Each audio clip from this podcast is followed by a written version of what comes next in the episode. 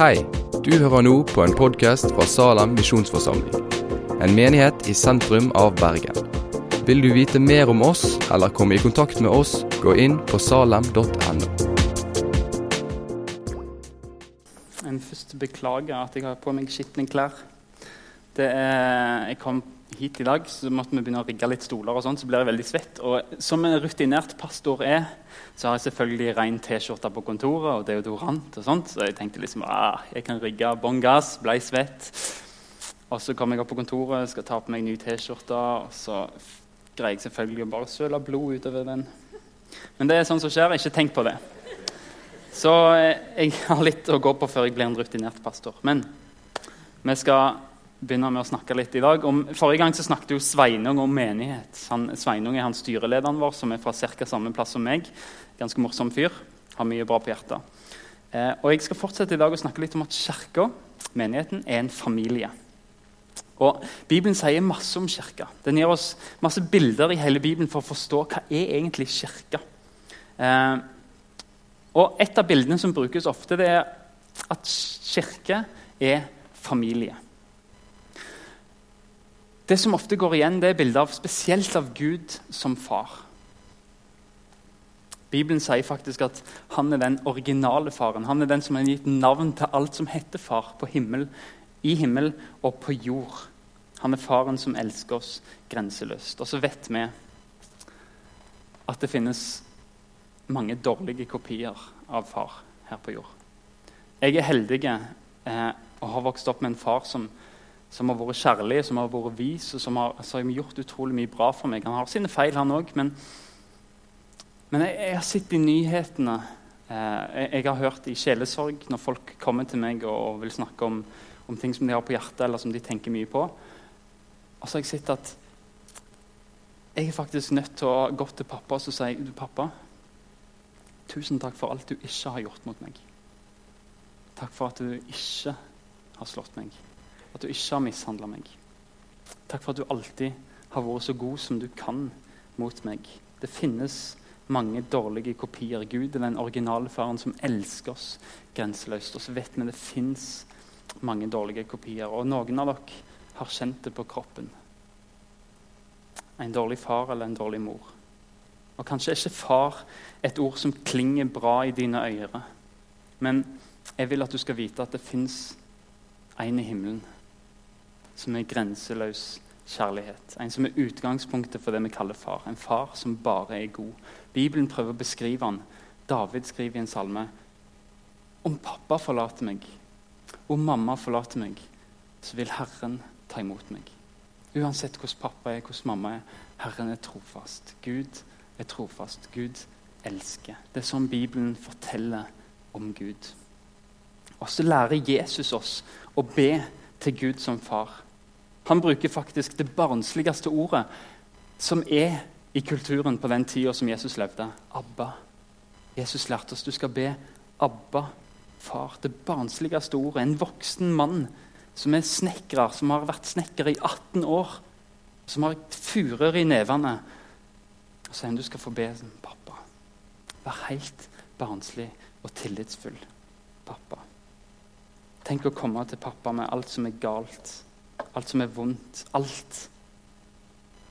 Og så kjenner vi den første linja i bønnen Jesus lærte oss å be, Fader vår. Men det han egentlig sier, det er Abba, pappa. Den bønnen Jesus lærte oss å be, den begynner sånn Pappa. Et bare sånn tillitsfullt komme barnslig og si Pappa, det er dette jeg vil be for.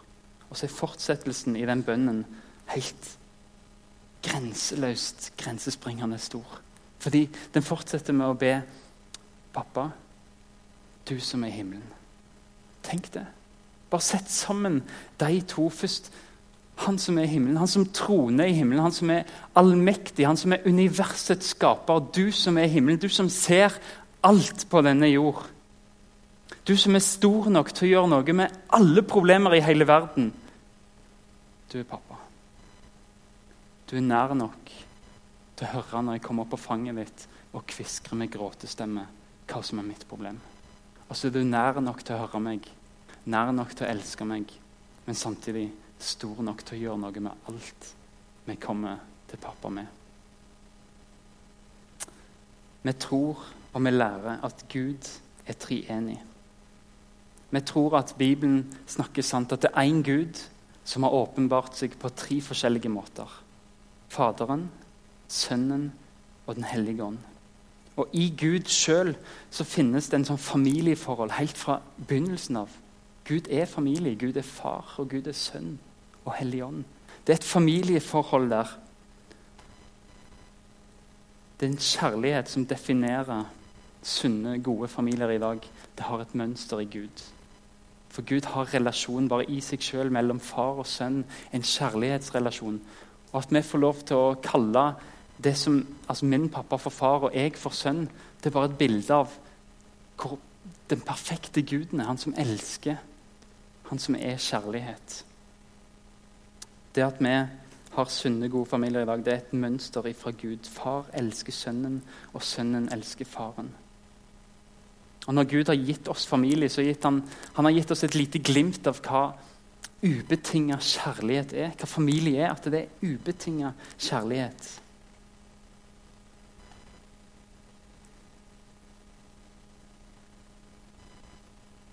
En familie som er full av kjærlighet, vil alltid være et hint av hvem Gud er. Vil alltid vise et hint så hvordan vi som kirke og vi som familie er mot hverandre. Vi vil alltid gi et lite hint av folk som er utenfor, hvordan Gud er. Ubetinga kjærlighet der vi elsker hverandre. Gud er relasjon. Han er tre i én, og han er kjærlighet. Og så er det, for å begynne forbindelsen med kirke og med familie Gud elsker sin sønn så høyt at han ville ha flere. Det sier Bibelen veldig klart. Gud ville ha flere barn som han kunne lede inn til herlighet. står det. Han ville ha flere barn. Han elska sønnen sin så høyt at han bare Jeg har mer kjærlighet å gi. Jeg har enda mer. Jeg vil ha flere barn. Jeg vil ha en større familie. og Derfor skapte Gud mennesker.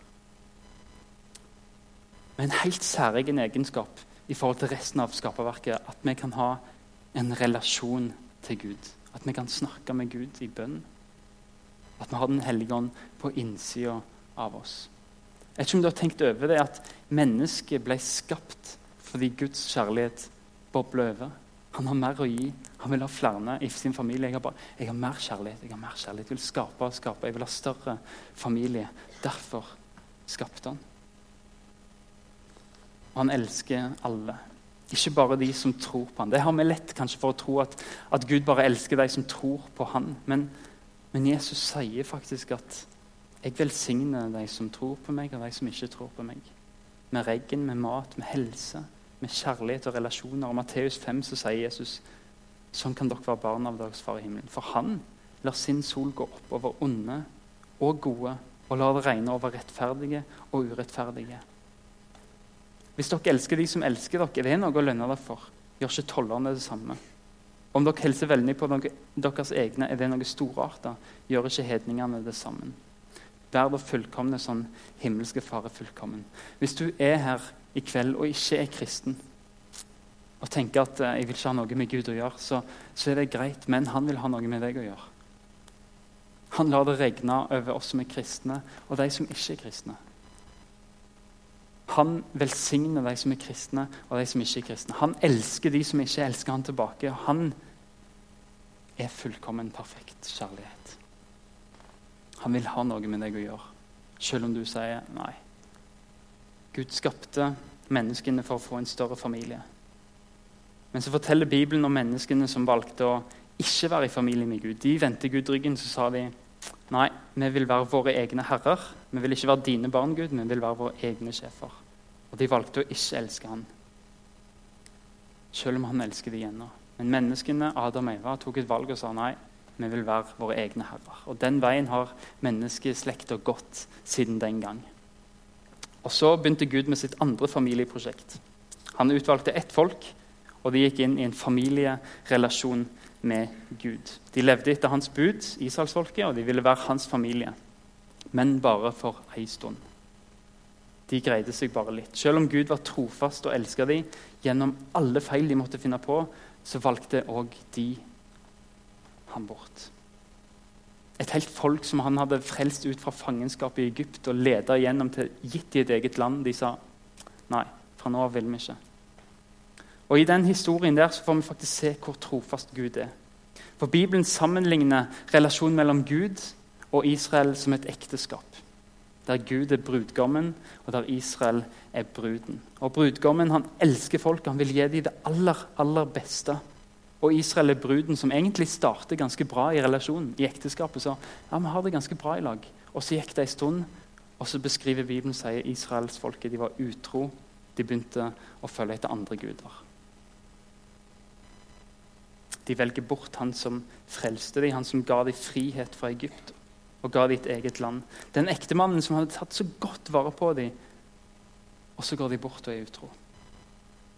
Bibelen er ikke snau og beskriver det faktisk som prostitusjon eller som horeri og sier her er det en mann som elsker folket, og som gjør alt for dem. Og som elsker dem så høyt at han ser tvers igjennom. Han, bare, han tilgir feil og gir dem en ny sjanse. Og så går de og så finner de en annen gud. De vil ikke ha noe med han å gjøre. Så kaller Bibelen det for prostitusjon. Og det er ganske sterke ord, men det er fordi Bibelen snakker alvorlig om når vi velger bort Gud og prioriterer andre ting i livet. Så ikke Bibelen ser ikke gjennom fingrene, men kaller det en spade for en spade og sier det er utroskap med en Gud som elsker deg. I Hoseas bok i Bibelen så kan vi lese om den perioden der Israel valgte vekk bok. Profeten Hosea han bruker sterke ord, sånn som prostitusjon og hor. De vil ikke være bruden til Gud lenger. Israelsfolket sa nei, vi får andre guder. Og Hosea sier dette får konsekvenser. Hvis dere ikke vender dere tilbake til Gud, så, så kommer dere til å komme i fangenskap. Dere kommer ikke til å få dette landet som han har gitt dere. Dere kommer til å havne i eksil i Babylon 70 år. Men Gud er trofast. Han som har lova dem å være deres ektemann, deres Gud, deres redningsmann, han er lojal. Han har lova det.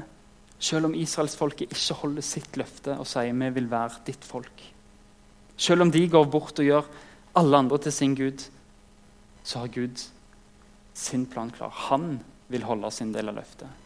Han vil gi dem det han har lovt. Og Dette gjelder ikke bare Israel den gang da. Dette gjelder også deg i dag. Selv om du er troløs, så er Gud trofast.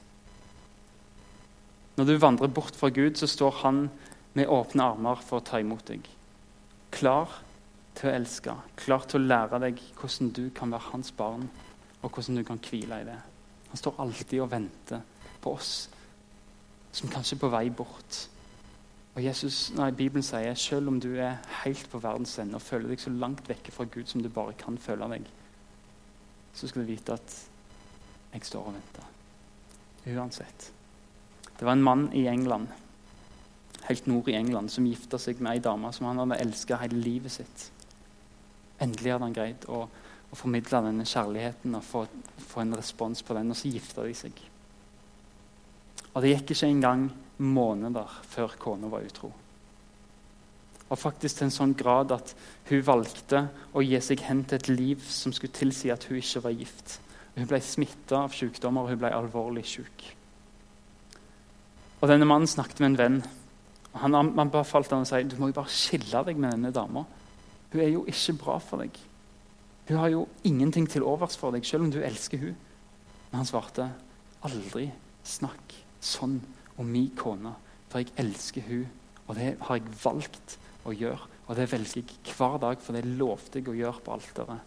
Og jeg elsker hun helt til døden skiller oss. Aldri snakk sånn om min kone. Og Kona ble dårligere og dårligere og lå til slutt for døden. Og alle hennes venner var borte. Familien ville ikke ha mer å gjøre med henne. Men den som stelte hun, og som holdt hun i hånda når hun døde, det var mannen som har sagt 'Jeg lovte å elske deg'. Og det løftet skal jeg holde. Han var der hele tida. Han valgte hun hver dag og var trofast mot hun. Og sånn er Gud. Han er trofast, selv om vi er troløse.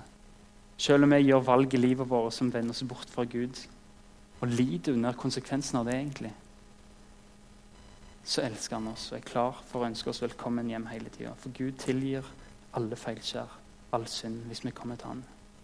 Vi tenker kanskje at vi må rette opp ting igjen. At vi må gjøre ting bra igjen. At, at vi må skjerpe oss. Og Det gjorde iallfall israelsfolket. De tenkte at ok, nå har vi gått bort fra Gud, og profeten har kalt oss tilbake. og så tenker jeg, Kanskje må vi gjøre det offer, kanskje må vi gi et brennoffer. Kanskje må vi gjøre et slakteoffer, slakte noen dyr, for at i det hele tatt vi skal komme og få talefot med Gud. Og Sånn tror jeg vi òg tenker. At vi må gjøre noe for at Gud skal like oss igjen. Hvis vi har gjort noe galt. Men Gud sier gjennom Hosea jeg vil ha kjærlighet, ikke slaktoffer. Jeg vil ha Guds kjennskap foran brennoffer. Det Gud sier, at det, det er ingen ritualer dere trenger for å komme til meg. Bare kom. Bare kjenn min kjærlighet. Jeg trenger ikke at du skjerper deg. Jeg trenger ikke at du gjør noe spesielt. Jeg trenger bare at du kommer og blir kjent med meg. Jeg vil heller kjenne deg enn å ha all den skjerpinga du kan greie å, få.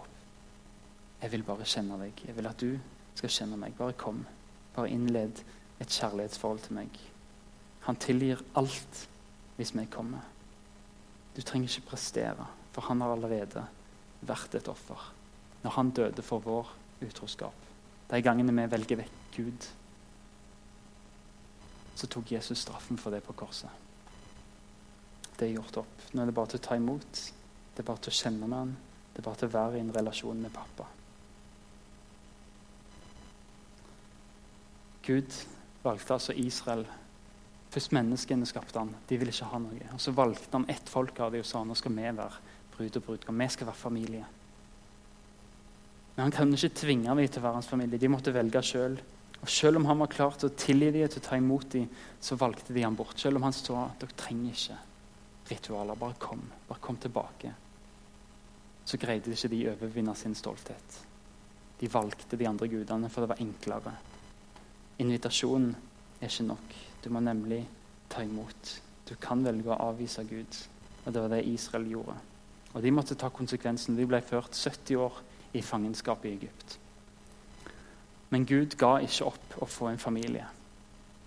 I Hebreabrevet 2 så kan vi lese om at Gud ville føre mange barn til herlighet. For ham og ved ham er alle ting. Da måtte han la frelsens opphavsmann nå fullendelsen gjennom lidelser. Han som helliggjør, og de som blir helliggjort, kommer alle fra den ene. Derfor skammer ikke sønnen seg over å kalle dem søsken. Han sier, 'Jeg vil forkynne ditt navn for mine brødre.' 'Midt i forsamlingen vil jeg lovprise deg.' Og igjen, 'Jeg vil sette min lit til ham.' Og enda et sted, 'Se, jeg og barna som Gud har gitt meg.' Siden barna er av kjøtt og blod, måtte også han fullt ut bli som dem. Slik skulle han ved sin død gjøre ende på ham som har dødens makt, det er djevelen. Og befri dem som har frykt for døden, var i slaveri gjennom hele livet.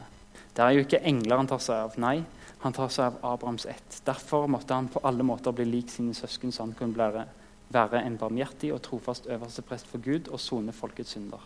Fordi han selv led og ble fristet, kan han hjelpe dem som blir fristet. Det er mange vanskelige ord. jeg vet Her er hele teksten.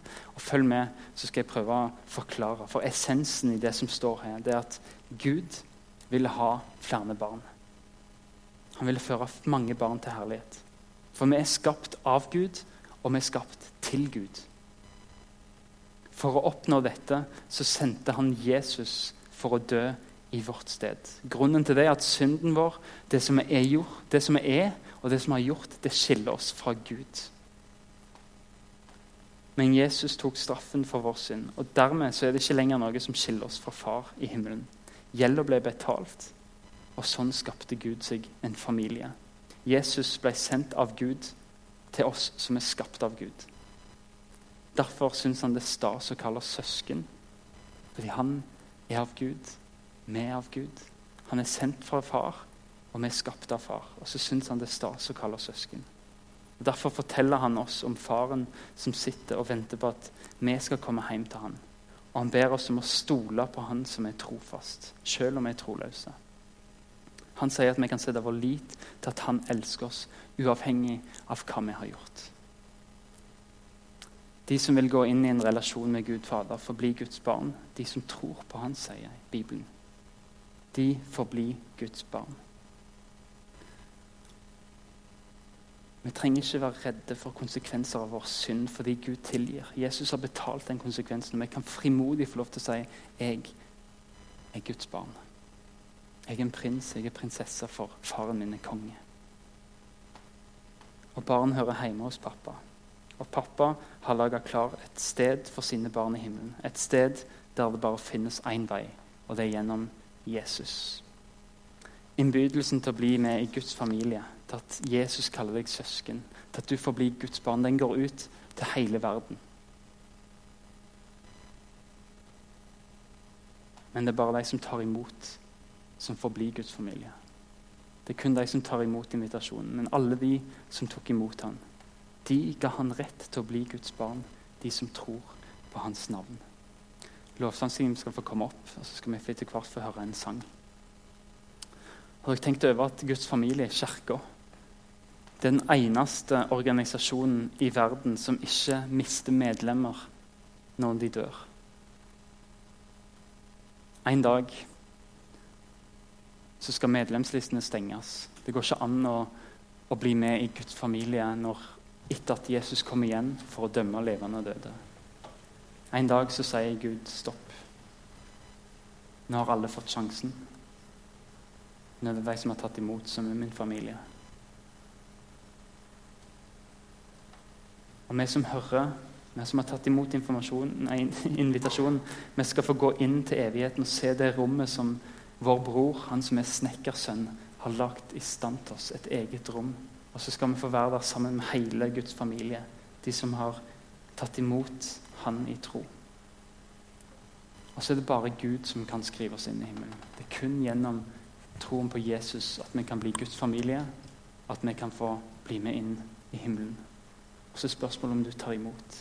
Se så stor kjærlighet Faderen har vist oss. At vi skal få kalles Guds barn og det er vi. De som tok imot ham, de kan rett til å bli Guds barn. De som tror på hans navn. Nå har vi snakket litt om det å være At Gud er far og vil ha en familie, og at eh, vi er hjertelig velkommen inn i den familien. Og så er det sånn at vi som tror, vi blir en familie. Vi blir Guds familie. De har en god far som vil de vel, og de har en, en bror som har frelst dem. Og så har vi millioner av søsken. Vi skal være én familie og ett fellesskap.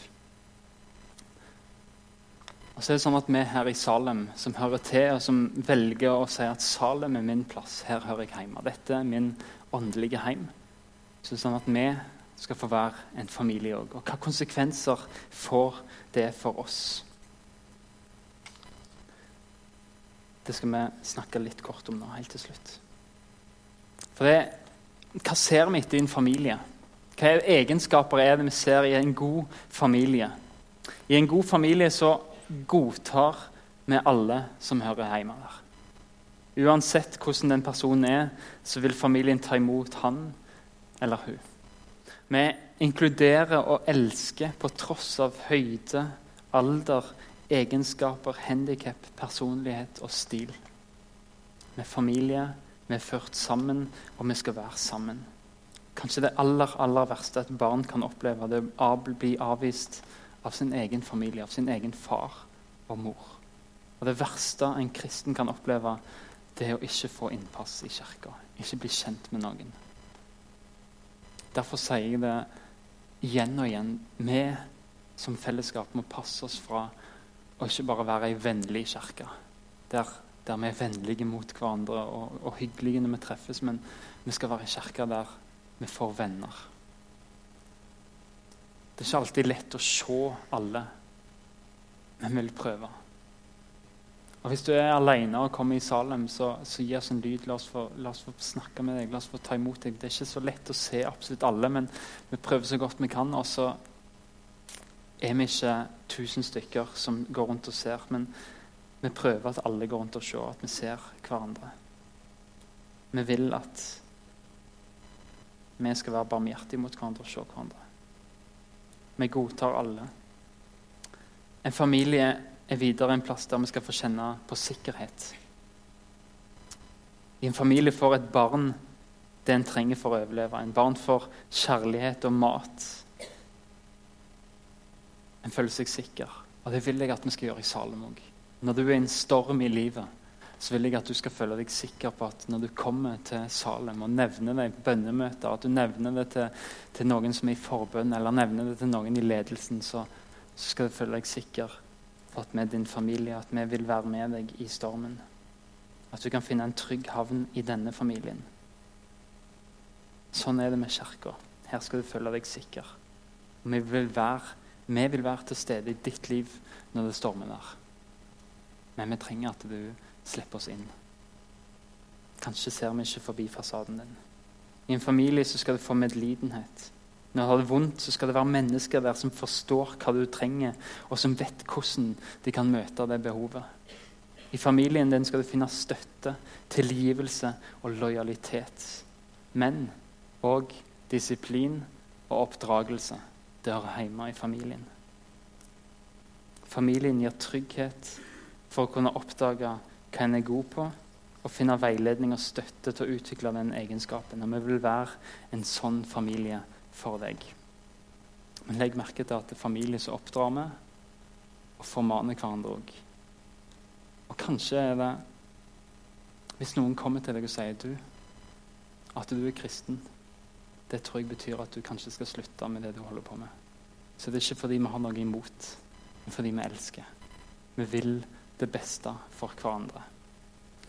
Salem er en familie. og Derfor er vi i Salem et fellesskap som har blitt enige om følgende. Og Hvis du ønsker å gå fast i Salem, så er du hjertelig velkommen til det. Og da inviterer vi deg inn i denne visjonen som vi skal snakke om nå. Da har vi lyst til at du skal være med og tenke yes, dette er jeg med på. Jeg er med og bygger fellesskapet. Og vi i Salem har sagt vi vil elske hverandre. Se hvor mange ganger det står i Bibelen dere skal elske hverandre. Det er et valg vi tar, det er ikke en følelse vi kjenner. Det er praktisk kjærlighet. Det koster tid. Av og til koster det penger. Men det å elske hverandre og være til stede for hverandre, det har vi lyst å gjøre. Det innebærer å elske hverandre det innebærer at vi har omtanke for hverandre. At vi har omsorg for hverandre, at vi tar imot hverandre. At vi er gjestfrie mot hverandre. Det innebærer at vi holder fred. Vi kappes om å hedre hverandre. Vi bærer over hverandre i kjærlighet. Vi er gode mot hverandre. Vi viser medfølelse og tilgir hverandre. Vi har fellesskap med hverandre i lyset. Og Det innebærer videre at vi snakker sant til hverandre. Ikke om hverandre, vi snakker sant til hverandre. Vi lyver ikke for hverandre, vi trøster hverandre og setter mot i hverandre. Oppmuntrer og oppbygger hverandre. Vi baktaler ikke hverandre, og vi kommer ikke med klager mot hverandre. Vi tjener hverandre i kjærlighet. Vi er underordna hverandre. Vi setter den andre høyere enn oss. Vi kler oss i ydmykhet. Vi rettleder hverandre. Vi har omtanke for hverandre, sånn at vi oppgløder hverandre til kjærlighet og til gode gjerninger. Vi oppmuntrer hverandre. Vi bekjenner synder for hverandre og ber for hverandre. Og vi bærer syndene for hverandre. Hørte det? Vi vil være et sånt hverandre-fellesskap. Et sånt fellesskap som Bibelen snakker om hele tida. Det vil vi være. Og hvordan? Jo, La oss streve etter det som tjener til fred og til å bygge opp fellesskapet. Dette strever vi etter.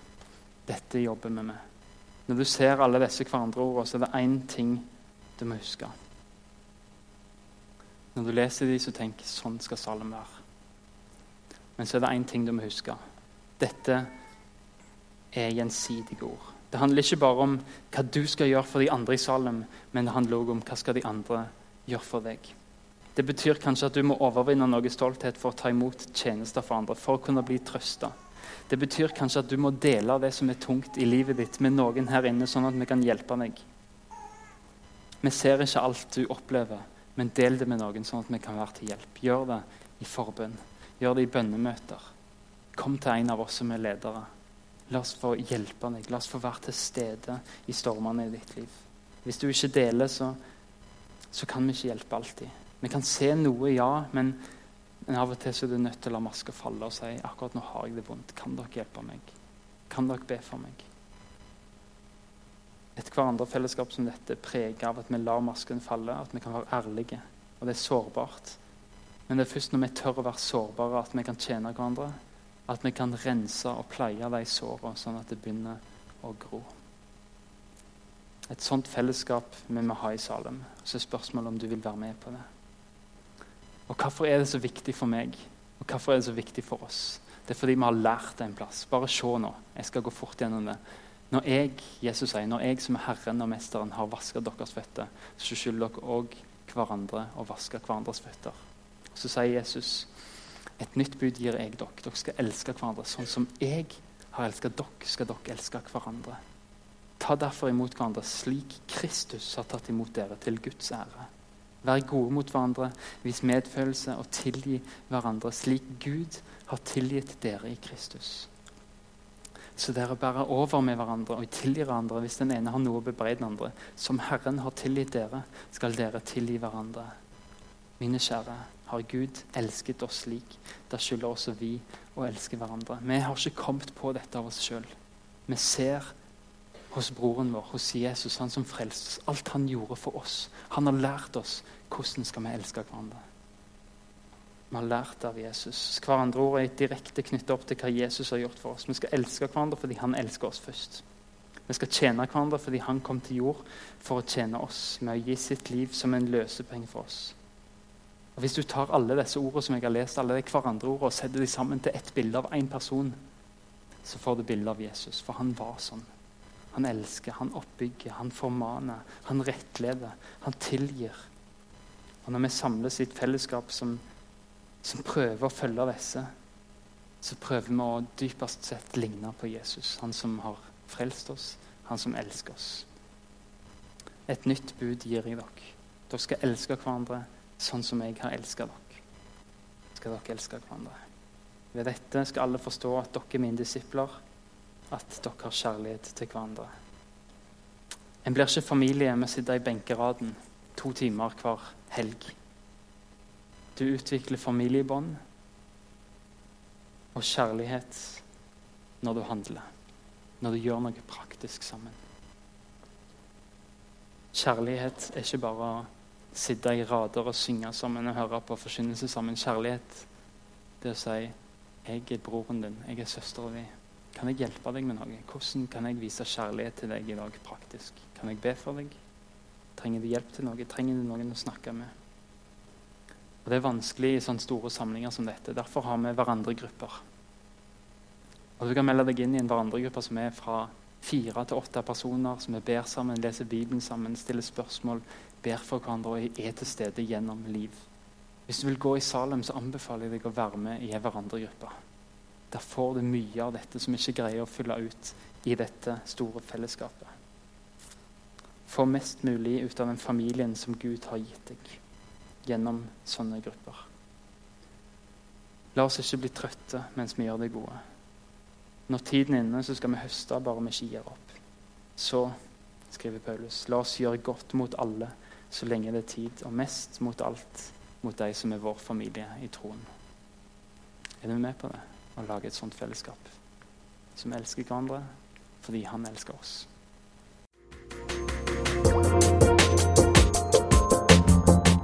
Takk for at du har hørt på podkasten fra Salem, Bergen.